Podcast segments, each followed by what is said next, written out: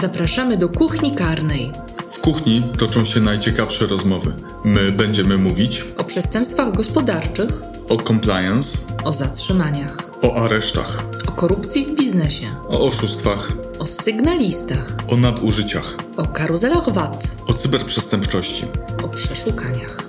Rozmowy o prawie karnym w biznesie. Zapraszamy co tydzień. Katarzyna Randziostajkowska, Michał Opala, Kancelaria SKS.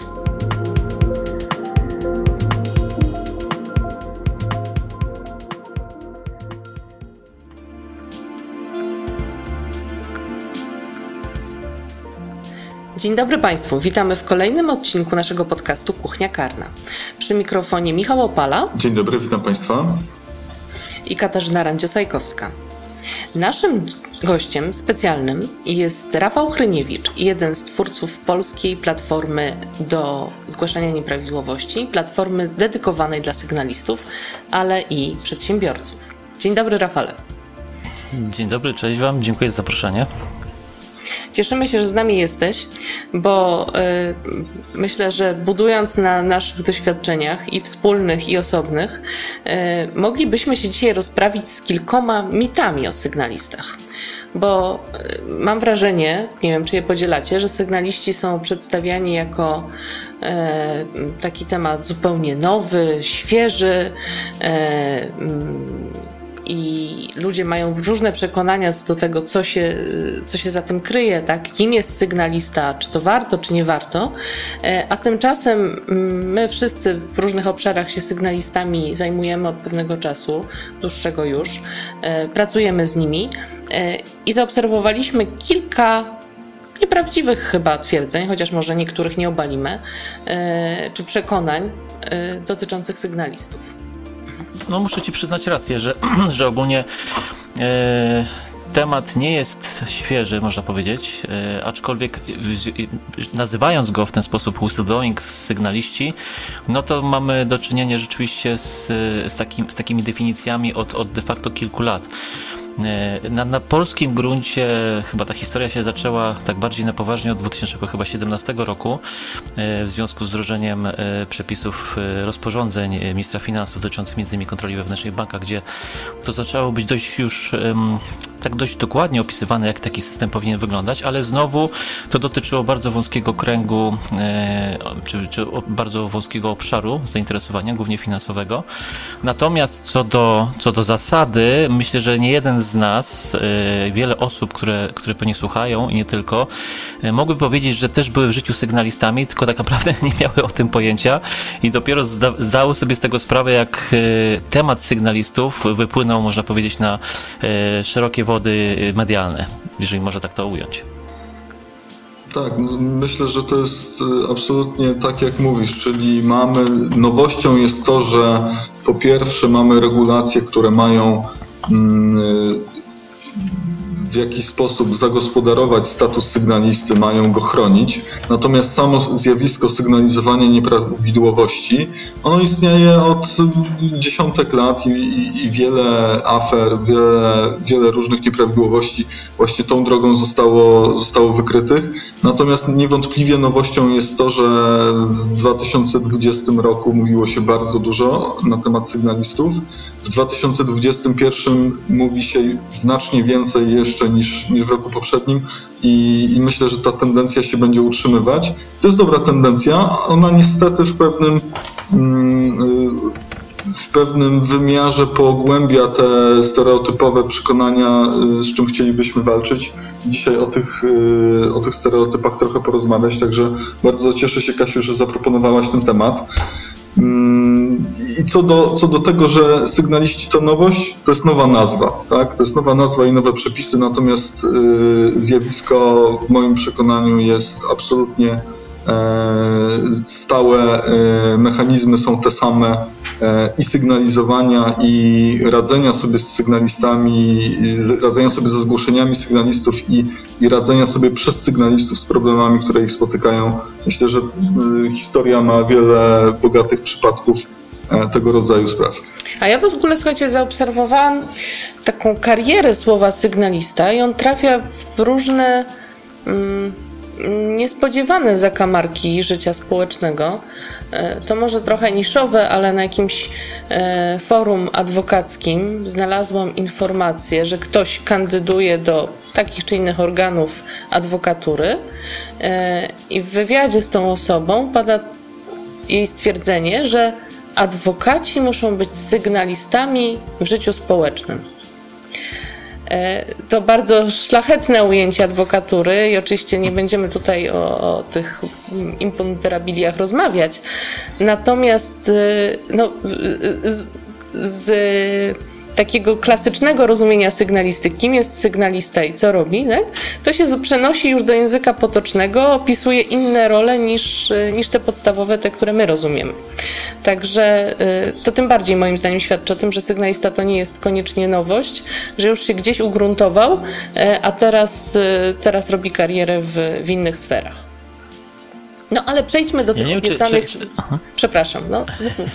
nie, jeszcze jako ciekawostka, nie wiem czy, czy kojarzycie, ale jeszcze kilka lat temu, jakieś 3-4, wpisując w Google słowo sygnalista, otrzymywaliście wyniki y, sygnalista wózkowy, czy sygnalista w myślistwie i tak naprawdę ciężko było znaleźć w ogóle jakiekolwiek informacje, y, które wiązałyby ten, to, to słowo z osobami zgłaszającymi nieprawidłowości. Więc y, ten, ten postęp jakby w, w upowszechnianiu tego problemu i słowa rzeczywiście nastąpił dość mocny. Tylko kwestia, oczywiście mówimy o, znowu o, o pewnych definicjach, które jeśli chodzi o życie e, obywateli, no to w zastosowaniu, tak jak powiedział tutaj e, Michał, miał już e, wiele lat temu. No dobrze, to słuchajcie, w takim razie przejdźmy do pierwszego mitu, bo opisaliśmy te mity, a tymczasem e, nic o nich nie mówimy, oprócz tego, że obaliliśmy, że to nowość. Nie, no Pierwszy, no to już pierwszy mamy za sobą. No właśnie.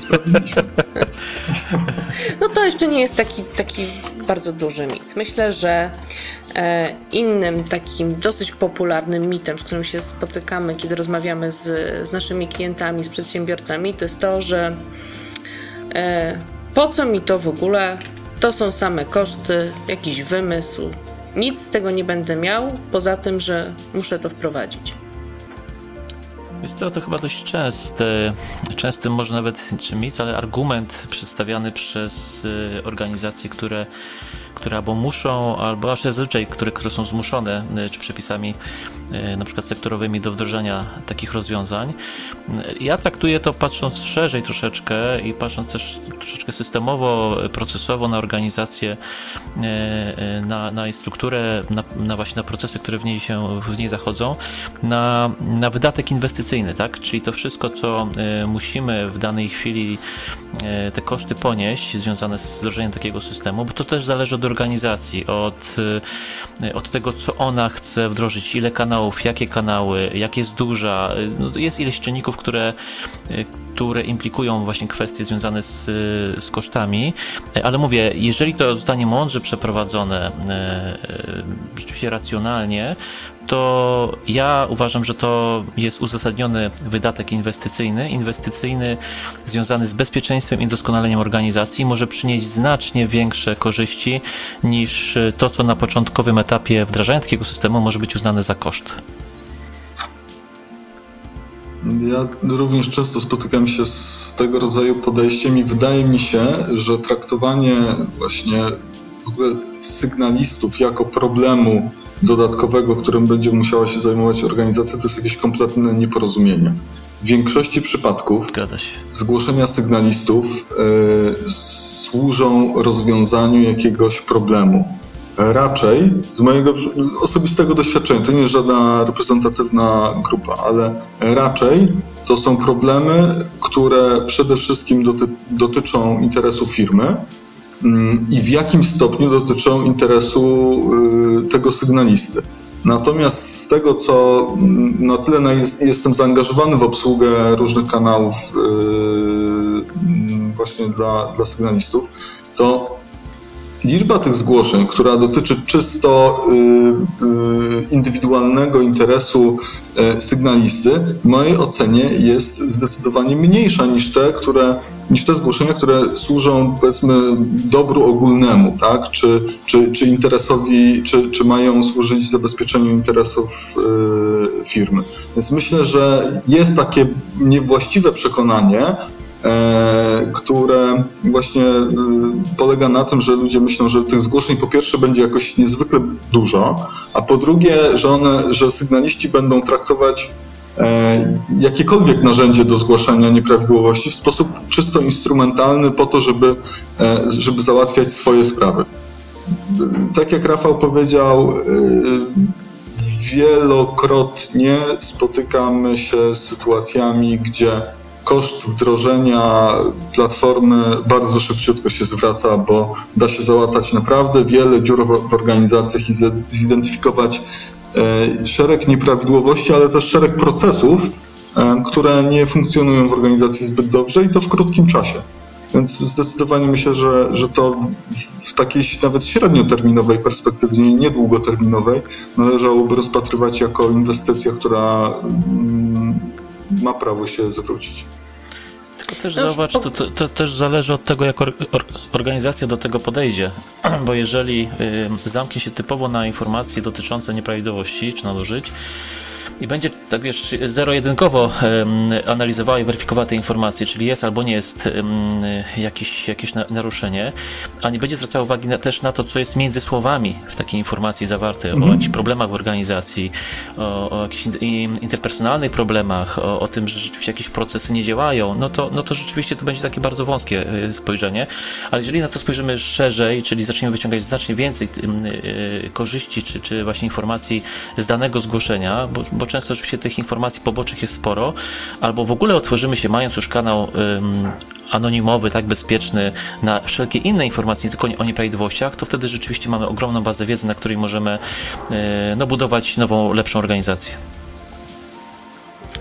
No, mamy tak naprawdę dwie płaszczyzny i to nie mówię dlatego, że tak sądzę, tylko dlatego, że to wiem, bo to widzimy w tych platformach, przy których pracujemy i u tych sygnalistów, z którymi pracujemy mm, i u tych klientów, z którymi pracujemy, że po pierwsze to przynosi wymierne korzyści, bo udaje się załatać dziurę i, i, ta inwestycja się zwraca bardzo szybko. Przy czym też powiedzmy sobie szczerze, nie wchodząc tu w szczegóły, nie jest to, nie są to tak ogromne koszty, jak niektórzy sobie wyobrażają. Są to bardzo racjonalne koszty i, i nie mówię tutaj tylko o. Mówię o wszystkich dostępnych rozwiązaniach na rynku, tak? Cokolwiek kto chciałby sobie wybrać, to naprawdę te koszty są rozsądne. Ale druga sprawa to jest ta, która, bardzo ważna, którą poruszyłeś, że to daje też pole do nie tylko załatania konkretnych dziur, konkretnych luk czy, czy, czy wyrugowania konkretnych nieprawidłowości, ale pozwala na nawiązanie nawet może dialogu z pracownikami, tak? takiej lepszej komunikacji z nimi, szczególnie w dużych organizacjach i moim zdaniem, szczególnie w czasach yy, kwarantanny, lockdownu, pracy zdalnej, kiedy yy, takie naturalne informacje, czy naturalna atmosfera, która się przynosi w pracy, e, jeżeli wszyscy jesteśmy w biurze, jest łatwiejsza do wychwycenia i łatwiejsza do naprawienia, e, a kiedy wszyscy, każdy z nas siedzi gdzie indziej i, i, i komunikujemy się dużo mniej, tylko w konkretnych sprawach, to tym bardziej, moim zdaniem, taka platforma może, może w tym pomóc. Dokładnie, w pełni się z Tobą zgadzam. Dokładnie się z Wami zgadzam. Jeszcze mam jeden przykład, y, który chyba obrazuje to, o czym mówimy. E, rok temu e, brałem udział w projekcie związanym z wdrażaniem e, takiego, takiego systemu w dość, dość dużej skali. System miał ruszyć w pierwszych dniach marca i, i, i rzeczywiście ruszył. Nie wiem, czy pamiętacie, pierwsze dni marca zeszłego roku były zdominowane przez kwestię koronawirusa. My w tamtym szczególnie czasie Włochy jeszcze. uruchamialiśmy. Tak, szczególnie, szczególnie Włochy. Słuchajcie, pierwsze zgłoszenia, które wpadły na tę platformę, one nie dotyczyły y, kwestii compliance'owych. One dotyczyły kwestii dotyczących czysto fizycznego, organizacyjnego przygotowania się y, do do epidemii w zasadzie. E, I teraz pytanie, jak można byłoby do tego podejść? Można było powiedzieć, nie jest żadne zgłoszenie compliance'owe, e, kwalifikujemy sobie to jako nieprzydatne, przechodzimy nad tym do porządku dziennego.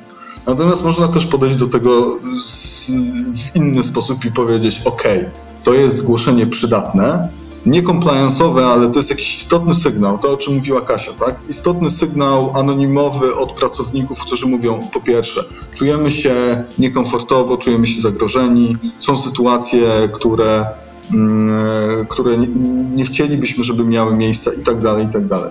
I jeżeli patrzymy na na sygnalistów y, tak szeroko, tak, i z takim, takim otwartym spojrzeniem, to z takich informacji możemy się wiele dobrego y, wyciągnąć.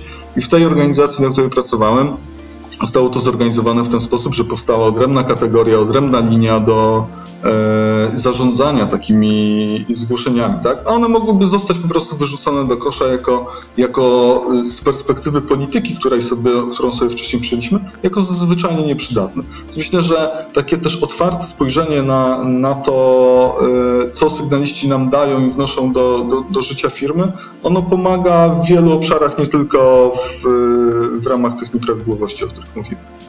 I to dotyka to dotyka kolejnego mitu, który, z którym się spotykamy, czy takiego błędnego przeświadczenia, czyli że wprowadzenie takiego systemu dla sygnalistów wywoła lawinę jakichś nieistotnych informacji, plotek, kalumnii, a tymczasem, z tego co z naszej rozmowy już to wynika, te informacje mogą być przydatne, a poza tym sprawne wprowadzenie tego systemu może spowodować e, i sprawna jego obsługa, że te rzeczywiście nieistotne informacje będą dosyć łatwo odsiewane. Tak? To, to nie jest yy, tak, chociaż chciałabym też wysłuchać Waszych doświadczeń, że nagle biedny właściciel przedsiębiorstwa zostaje zasypany yy, milionem informacji o tym, że w szatni walają się niedopałki papierosów. Wiesz co, ja się spotykam rzeczywiście e, czasami z, z wypowiedziami na przykład na, na, na mediach społecznościowych, e, że takie systemy właśnie generują e, masę różnego rodzaju niepotrzebnych informacji. Ja powiem Ci, że ja też pamiętam przy pierwszym swoim wdrożeniu systemu w 2017 roku spotkałem się z dużą z dużą, z dużą obawą pracowników, kadry pracowniczej, właśnie oni się bali, że te, że te zgłoszenia będą dotyczyły, że ktoś się spóźnia do pracy, że ktoś kseruje prywatne, prywatne rzeczy, prywatne książki, prywatne materiały i w szeregu innych tego typu podobnych informacji bali się, że one będą po prostu nagminnie przekazywane przez innych pracowników, którzy chcą w jakiś tam sposób się odegrać. I powiem Wam szczerze, że jeżeli znaczy może nie, jeżeli, kiedy przeprowadziliśmy taką naprawdę rzetelne to, to wdrożenie e, uwzględniające po pierwsze kwestie dotyczące systemu, cel, celu, dlaczego taki system jest w organizacji wdrażany, e, korzyści, jakie pracownicy, bo nie tylko organizacja te korzyści osiąga, ale także sami pracownicy, biorąc pod uwagę komfort i bezpieczeństwo pracy. E, powiedzieliśmy przede wszystkim, jakim zgłoszeniom, jakim problemom ma służyć ten system. Ten system też był otwarty, pamiętam, na pomysły i na usprawnienia, to powiem Wam szczerze, że e, w pierwszych tygodniach po wdrożeniu systemu, po rzeczywiście przeprowadzonej takiej e, z sercem rzetelnej komunikacji i edukacji, trafiły się, trafiały się zgłoszenia bardzo precyzyjne, nie tylko właśnie dotyczące, tak jak to wcześniej Michał powiedział, typowo nieprawidłowości, ale właśnie różnego rodzaju pomysłów, wskazówek, które mogłyby usprawnić pracę i to było super, bo, bo nagle się okazało, że pracownicy mają informacje, mają różnego rodzaju potrzeby, mają wiedzę, co można usprawnić, tylko za bardzo nie mieli ujścia, e, e, gdzie mogliby te informacje przekazać na korzyść właśnie organizacji, a podejście organizacji do wdrożenia, właśnie do tej komunikacji, do potraktowania pracownika jako e, osoby, która może mieć taką wiedzę, która, która może wspólne dobro budować, pozwoliło na to, że oni się otworzyli, zaufali organizacji i dzięki temu organizacja rzeczywiście mogła, mogła inaczej spojrzeć na wiele aspektów, o których wcześniej nie wiedziała. Czyli tutaj mamy mm, takie dwie sprawy. Jedna to jest to, żeby odpowiednio wdrożyć i wytłumaczyć y, również pracownikom, zakomunikować im, jaka jest rola tego systemu, ale z drugiej strony, żeby potem obsługiwać go w taki sposób, który e, z czasem wyeliminuje zgłoszenia rzeczywiście nieistotne, bo, a poza tym zdejmie z głowy pracodawcy, z głowy przedsiębiorcy, z jego barków e, konieczność obsługi tego systemu, bo to też można powierzyć e, doświadczonym osobom, które będą umiały nawiązać ten kontakt z sygnalistami, będą umiały ocenić e, istotność danego zgłoszenia, zaszeregować je itd. Ja właśnie w tym kontekście mam znowu osobiste doświadczenie. Przy pierwszym wdrożeniu, które, za które byłem odpowiedzialny i ten moment, zapamiętałem ten moment pierwszego dnia uruchomienia platformy. Wtedy wpadło mnóstwo zgłoszeń, które mm, ja nie wiem, jaka była intencja tych osób. Czy to był żart, y, czy to miało na celu przetestowanie tego, w jaki sposób ta, ta platforma działa. Natomiast y, wpadło tych zgłoszeń chyba kilkadziesiąt i się zastanawialiśmy na tym, y, jak do tego podejść. I nie wiem, czy się zgodzicie z takim podejściem, ale, mm, ale ostatecznie doszliśmy do wniosku z zespołem, również od, od komunikacji, że w związku z tym, że program ruszył, w związku z tym, że te zgłoszenia się zapisują e, i w związku z tym, że z jakichś względów, może różnych, e, osoby napisały na tej platformie, to należy im się, e, należy im się odpowiedź. I te osoby wszystkie dostały indywidualne odpowiedzi, że dziękujemy za, za zgłoszenie, ale to faza testów się zakończyła. To jest narzędzie, które jest wyposażone, ono nie jest w próżni, tak? To znaczy ktoś czyta te Państwa zgłoszenia i w jakiś sposób reaguje, natomiast zasoby, czy wykorzystujecie je w sposób niewłaściwy, tak? Zdecydowaliśmy się po prostu na wysłanie takiego jasnego komunikatu, który myślę też uwiarygodnił trochę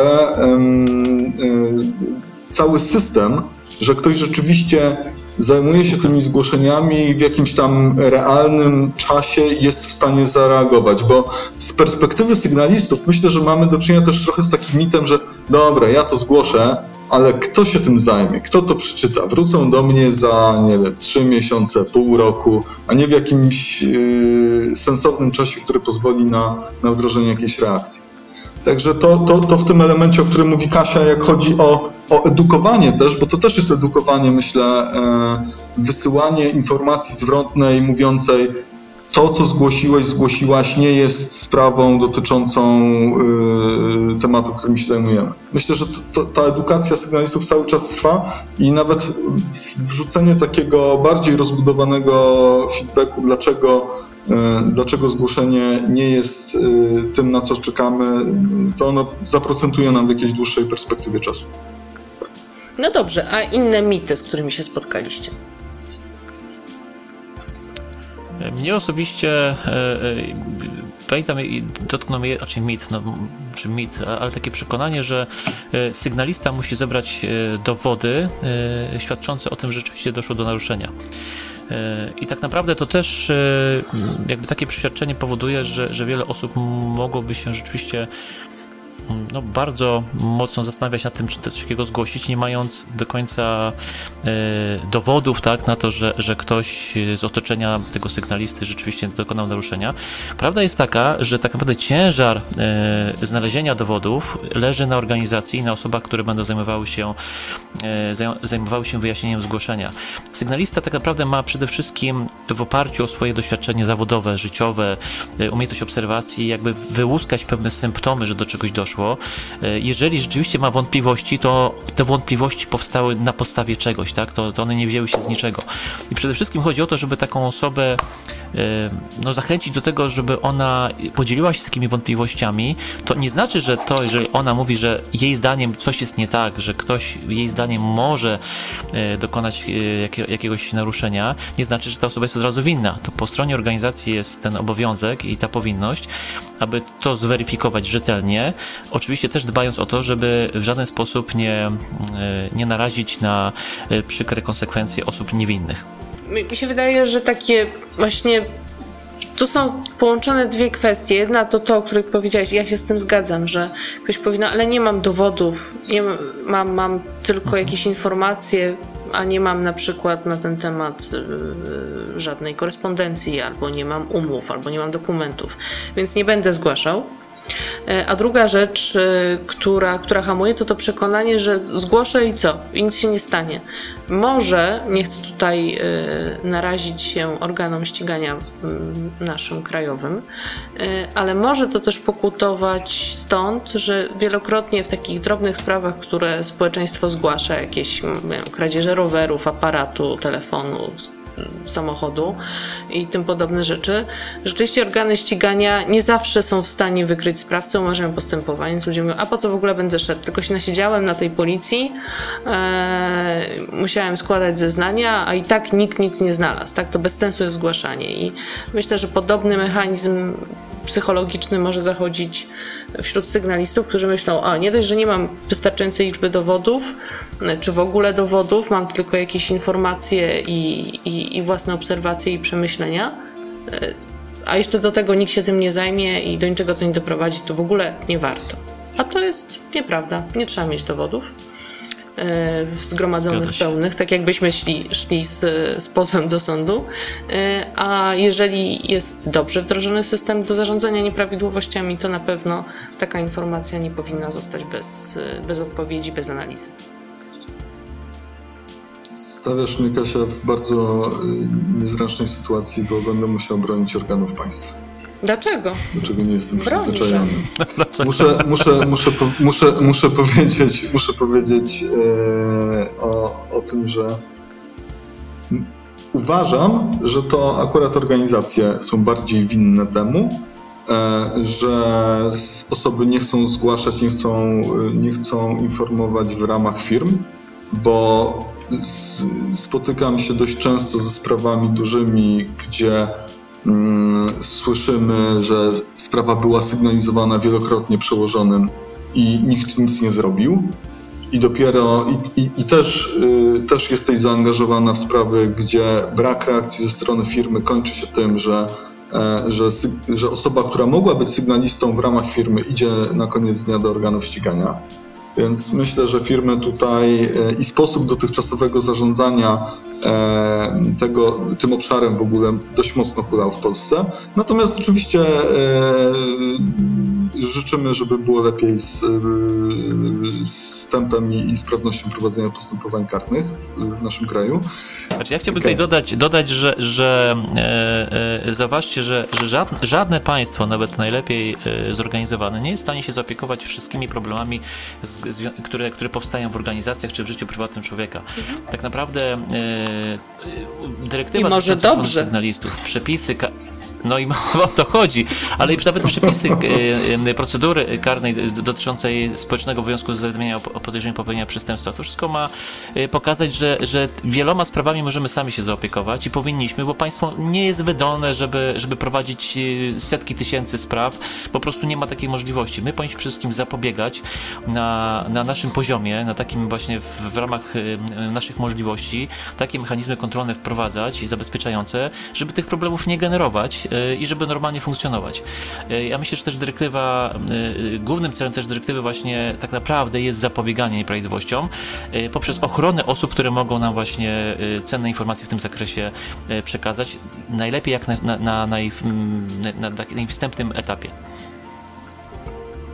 tu pełna zgoda i powiedziałbym jeszcze nawet może trochę dalej, że spotykam się z sytuacjami, gdzie osoby, które zarządzają firmami mówią ale do czego mi są potrzebne zgłoszenia o nieprawidłowościach? Ja się zajmuję prowadzeniem biznesu, a nie ściganiem osób, które kradną.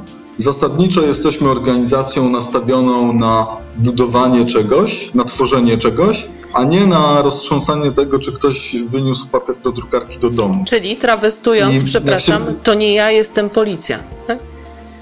Tak, dokładnie, dokładnie tak. Ja nie jestem policjantem. Nie? I to, to jakby zostawmy sprawy, e, sprawy karne i, i, te wszystkie straszne historie korupcyjne do, do właściwym służbom. Jak się nad tym zastanawiam, to nie wiem, co się pod tym kryje, ale może jest tak, że to wynika trochę z takiego przekonania u nas w Polsce, że pracownicy, jak popełniają na przykład przestępstwo korupcji, to oni popełniają e, na własny rachunek i to jest ich indywidualna sprawa, ich indywidualna odpowiedzialność. Natomiast osoby, które zarządzają firmami, e, często z takich procederów korupcyjnych czerpią korzyści w skali firmy.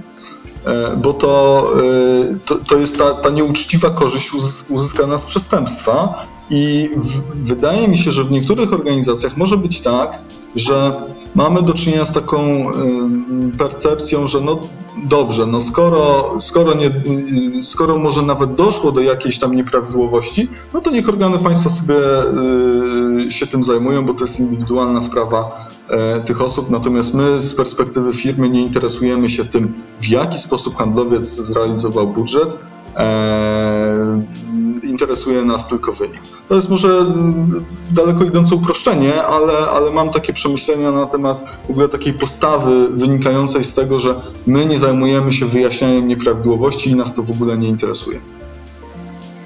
Jest tak powiem się, że dość szalona postawa, biorąc pod uwagę coraz więcej regulacji, mówię o organizacji oczywiście, biorąc pod uwagę coraz większą liczbę regulacji, które też e, no, nakładają różnego rodzaju e, kary też na organizacje, jeżeli nie, do, nie dopełnią pewnych e, obowiązków. W związku z czym to może taka, taka, takie podejście dość drogo kosztować organizację, no ale no, każdy ma prawo do, do takiego podejścia. No większość z nas uczy się na błędach, więc dobrze by było się uczyć na błędach innych. na pewno myślę, taniej. Myślę, że to podejście. Tak, na pewno taniej. Myślę, że to podejście nie jest zbyt powszechne, natomiast, natomiast czymś takim yy, się spotkałem. No dobrze, co mamy dalej? Mamy ostatni mit, przynajmniej z mojej strony, czyli sygnalist, sygnalista, sygnaliści to mściciele i donosiciele w związku z czym ich hmm. informacje są niewiele warte, bo, bo to jest po prostu informują o czymś z zemsty. Albo bo chcą donieść. Powie, powiem wam szczerze, że ja jako osoba e, dość mocno stojąca e, na ziemi i, i, i opierająca się na logice, e, ja do tej pory nie mogę zrozumieć, dlaczego osoby, które mają odwagę i przeciwstawiają się różnego rodzaju patologiom w swoim otoczeniu, mają takie łatki nakładane właśnie, naklejane jako donosiciel, mściciel. Ja, ja nie jestem w stanie tak naprawdę, wiecie co, tego zrozumieć w żaden sposób. E, tym bardziej jeszcze mnie osobiście oburza, że, że te osoby, które, które reagują na patologię wokół nas, stają się jeszcze ofiarami tego zgłaszania tych e, samych patologii. E, ja tego nie rozumiem i powiem wam szczerze, pierwsze co w organizacji wdrażając system, jeżeli widzę, że ktoś mocno atakuje samą ideę, to się zastanawiam, czy ta osoba nie ma właśnie w tym interesu, żeby taki system nie powstał, bo właśnie może chce coś ukryć, chce coś przykryć, bo z samego założenia takiej mm, fundamentów uczciwości ludzkiej, etyki, tak naprawdę system dla sygnalizmu Y, jest czymś, co, co może zabezpieczać organizację, co de facto może budować kulturę y, organizacyjną, etykę, y, dawać komfort pracownikom, że w każdej chwili mogą się podzielić właśnie swoimi wątpliwościami co do jakiegoś nieetycznego, nieodpowiedniego zachowania. Ja osobiście uważam, że to są osoby, sygnaliści to są osoby odpowiedzialne, odpowiedzialne, etyczne, o silnym kręgosłupie moralnym. Oczywiście mówię o osobach, które rzeczywiście zgłaszają prawdziwe, prawdziwe sytuacje, tak, które dotyczą naruszenia e, przede wszystkim prawa, ale także jakichś standardów wewnętrznych. E, I, i, I, chciałbym przede wszystkim, żebyśmy właśnie o sygnalistach mówili w ten sposób, aczkolwiek dobrze wiecie, że e, dla jakby, czyli na podstawie dyrektywy, wymogów dyrektywy i, przepisów dyrektywy, y, osoba, która zgłosi prawdziwe, prawdziwą informację o, przestępstwie, y, bez względu na pobudki, też może być objęta ochroną y, wynikającą z tej dyrektywy, czyli też może nosić miano sygnalisty, mimo że te pobudki nie były najwyższe. No ale jakby tutaj mówię, dla tego pozytywnego wizerunku sygnalisty wolałbym, żeby też to łączyło się z tym, że, że ten sygnalista dba rzeczywiście o dobro ogółu, a nie tylko własny interes. Na pewno trzeba bardzo dużo odwagi, żeby, żeby zostać sygnalistą. Mimo tego, że, że przecież już dzisiaj e, są wprowadzane regulacje gwarantujące czy wymagające gwarancji anonimowości i ochrony dla sygnalistów, e, a, e, a te platformy do zgłaszania nieprawidłowości też bardzo dbają o to, żeby, żeby ich, sposób ich organizacji umożliwiał ochronę tożsamości sygnalisty, mm, co za tym idzie, uniemożliwiał jakieś reperkusje. Natomiast e, nie każdy asygnalista będzie aniołem, tak? I mimo, że będzie odważnym człowiekiem, który coś zgłasza, to, ma, to, ma to motywację może mieć różną. Z perspektywy zgłoszenia. Tak, prawda? ale nie ma to znaczenia z perspektywy zgłoszenia, nie ma to znaczenia z perspektywy tego, czy w organizacji występuje nieprawidłowość i co my z nią zrobimy. To, że ktoś akurat postanowił się na kimś zemścić, to nie znaczy, że my mamy z góry oceniać tą informację jako nierzetelną. Ona może być rzetelna, tylko podana z takich pobudek, które może nie do końca są eleganckie czy, czy dobre. Oczywiście, że tak. Jak najbardziej się z tą zgadzam. Tym bardziej, że posłuchajcie, no, no jak ocenić motywację tak naprawdę? Tego się często nie da ocenić. To, jest, to, to polega na często subiektywnej ocenie.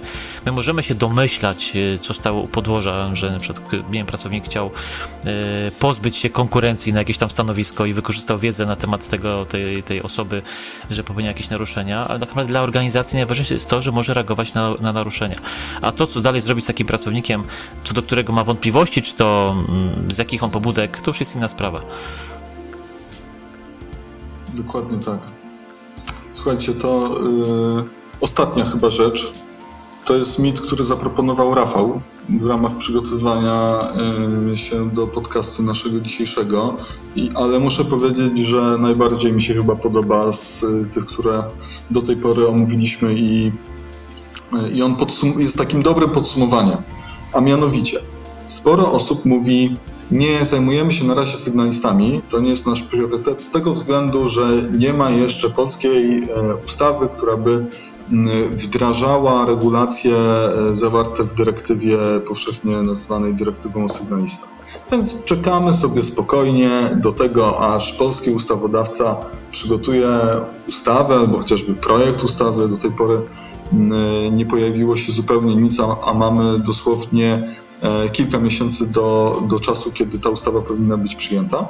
Więc wszyscy sobie, większość przynajmniej organizacji sobie spokojnie czeka, e, rozgląda się na ten temat, ale e, myśli o tym, że może zaczekać z wdrożeniem tego kanału do komunikowania się, jaki by on nie był, do momentu, kiedy polskie przepisy zostaną przyjęte. Co na ten temat myślicie?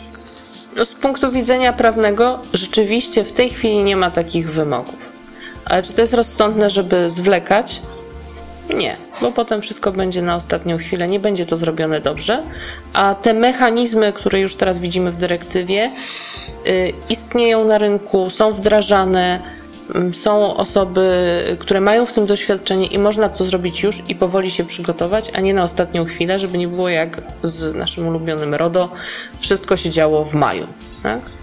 E, to jest jedna rzecz. Druga, biorąc pod uwagę wszystko, co sobie dzisiaj omówiliśmy i te korzyści, które płyną z, z wdrożenia mm, systemu do zgłaszania nieprawidłowości w przedsiębiorstwie, warto to zrobić po prostu. Tak? Bez względu na to, czy y, ta ustawa wdrażająca dyrektywę będzie nam dawała vacatio legis y, dwumiesięczne, półroczne czy dwuletnie. Tak? Warto to zrobić już dzisiaj. Ja tutaj bym, e, zgadzam się, z, zgadzam się z tobą jak najbardziej, e, Kasiu, i powiem szczerze, że e, pierwsze takie, ja zawsze na to pytanie, czy warto, czy, czy, czy, czy teraz, czy, czy czekać, to się pytam, czy ty musisz czekać na przepisy, żeby chronić swój majątek, żeby chronić swoje bezpieczeństwo.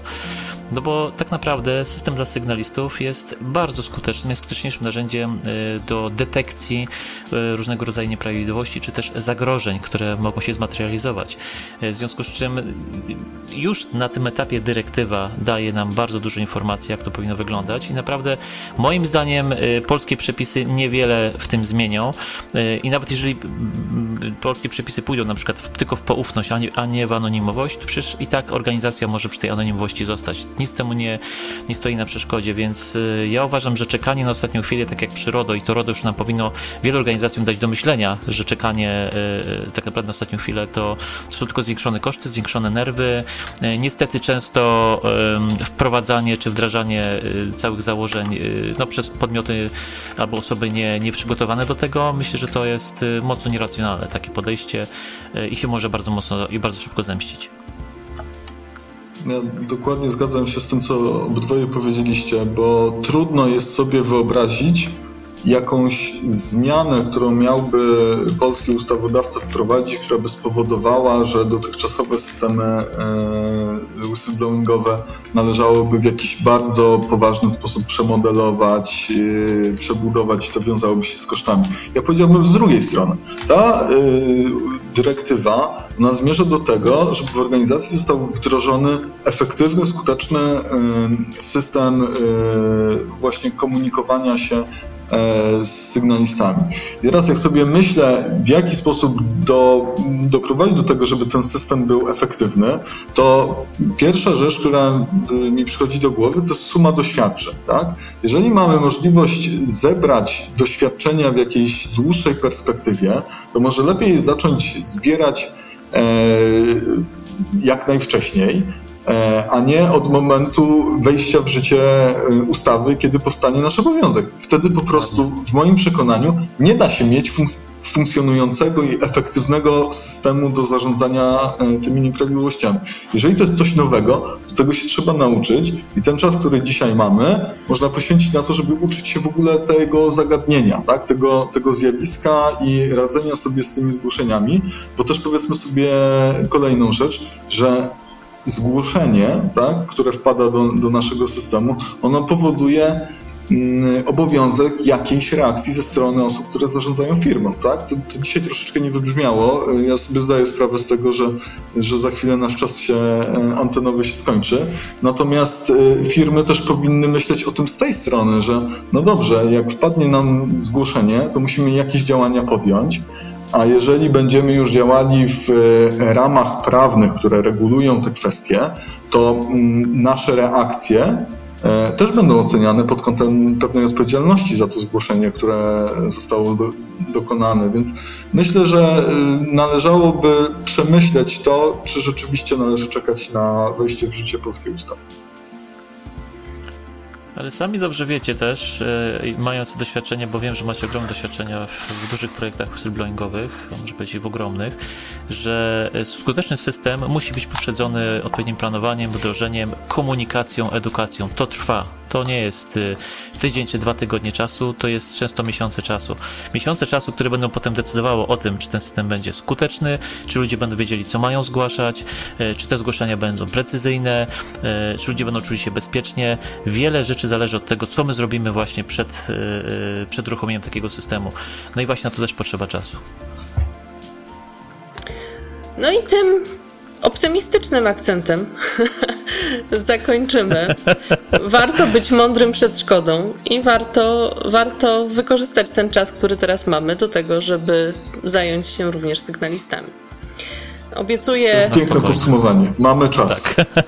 mamy no czas. właśnie, mamy, cza, cza, cza, mamy czas, który trzeba wykorzystać. Nie możemy go zmarnować. No tak, ale mamy co wykorzystywać. Tak, mamy. Mamy. Dziękujemy Ci, Rafale, bardzo. Bardzo nam miło było Cię gościć. E, z przyjemnością jeszcze kiedyś się spotkamy na naszej antenie podcastowej. E, a tymczasem mm, pozdrawiamy Państwa, życzymy Państwu dobrego wykorzystania czasu i do usłyszenia. Do widzenia. Wielkie dzięki. Do usłyszenia. Wielkie dzięki. Do, do usłyszenia.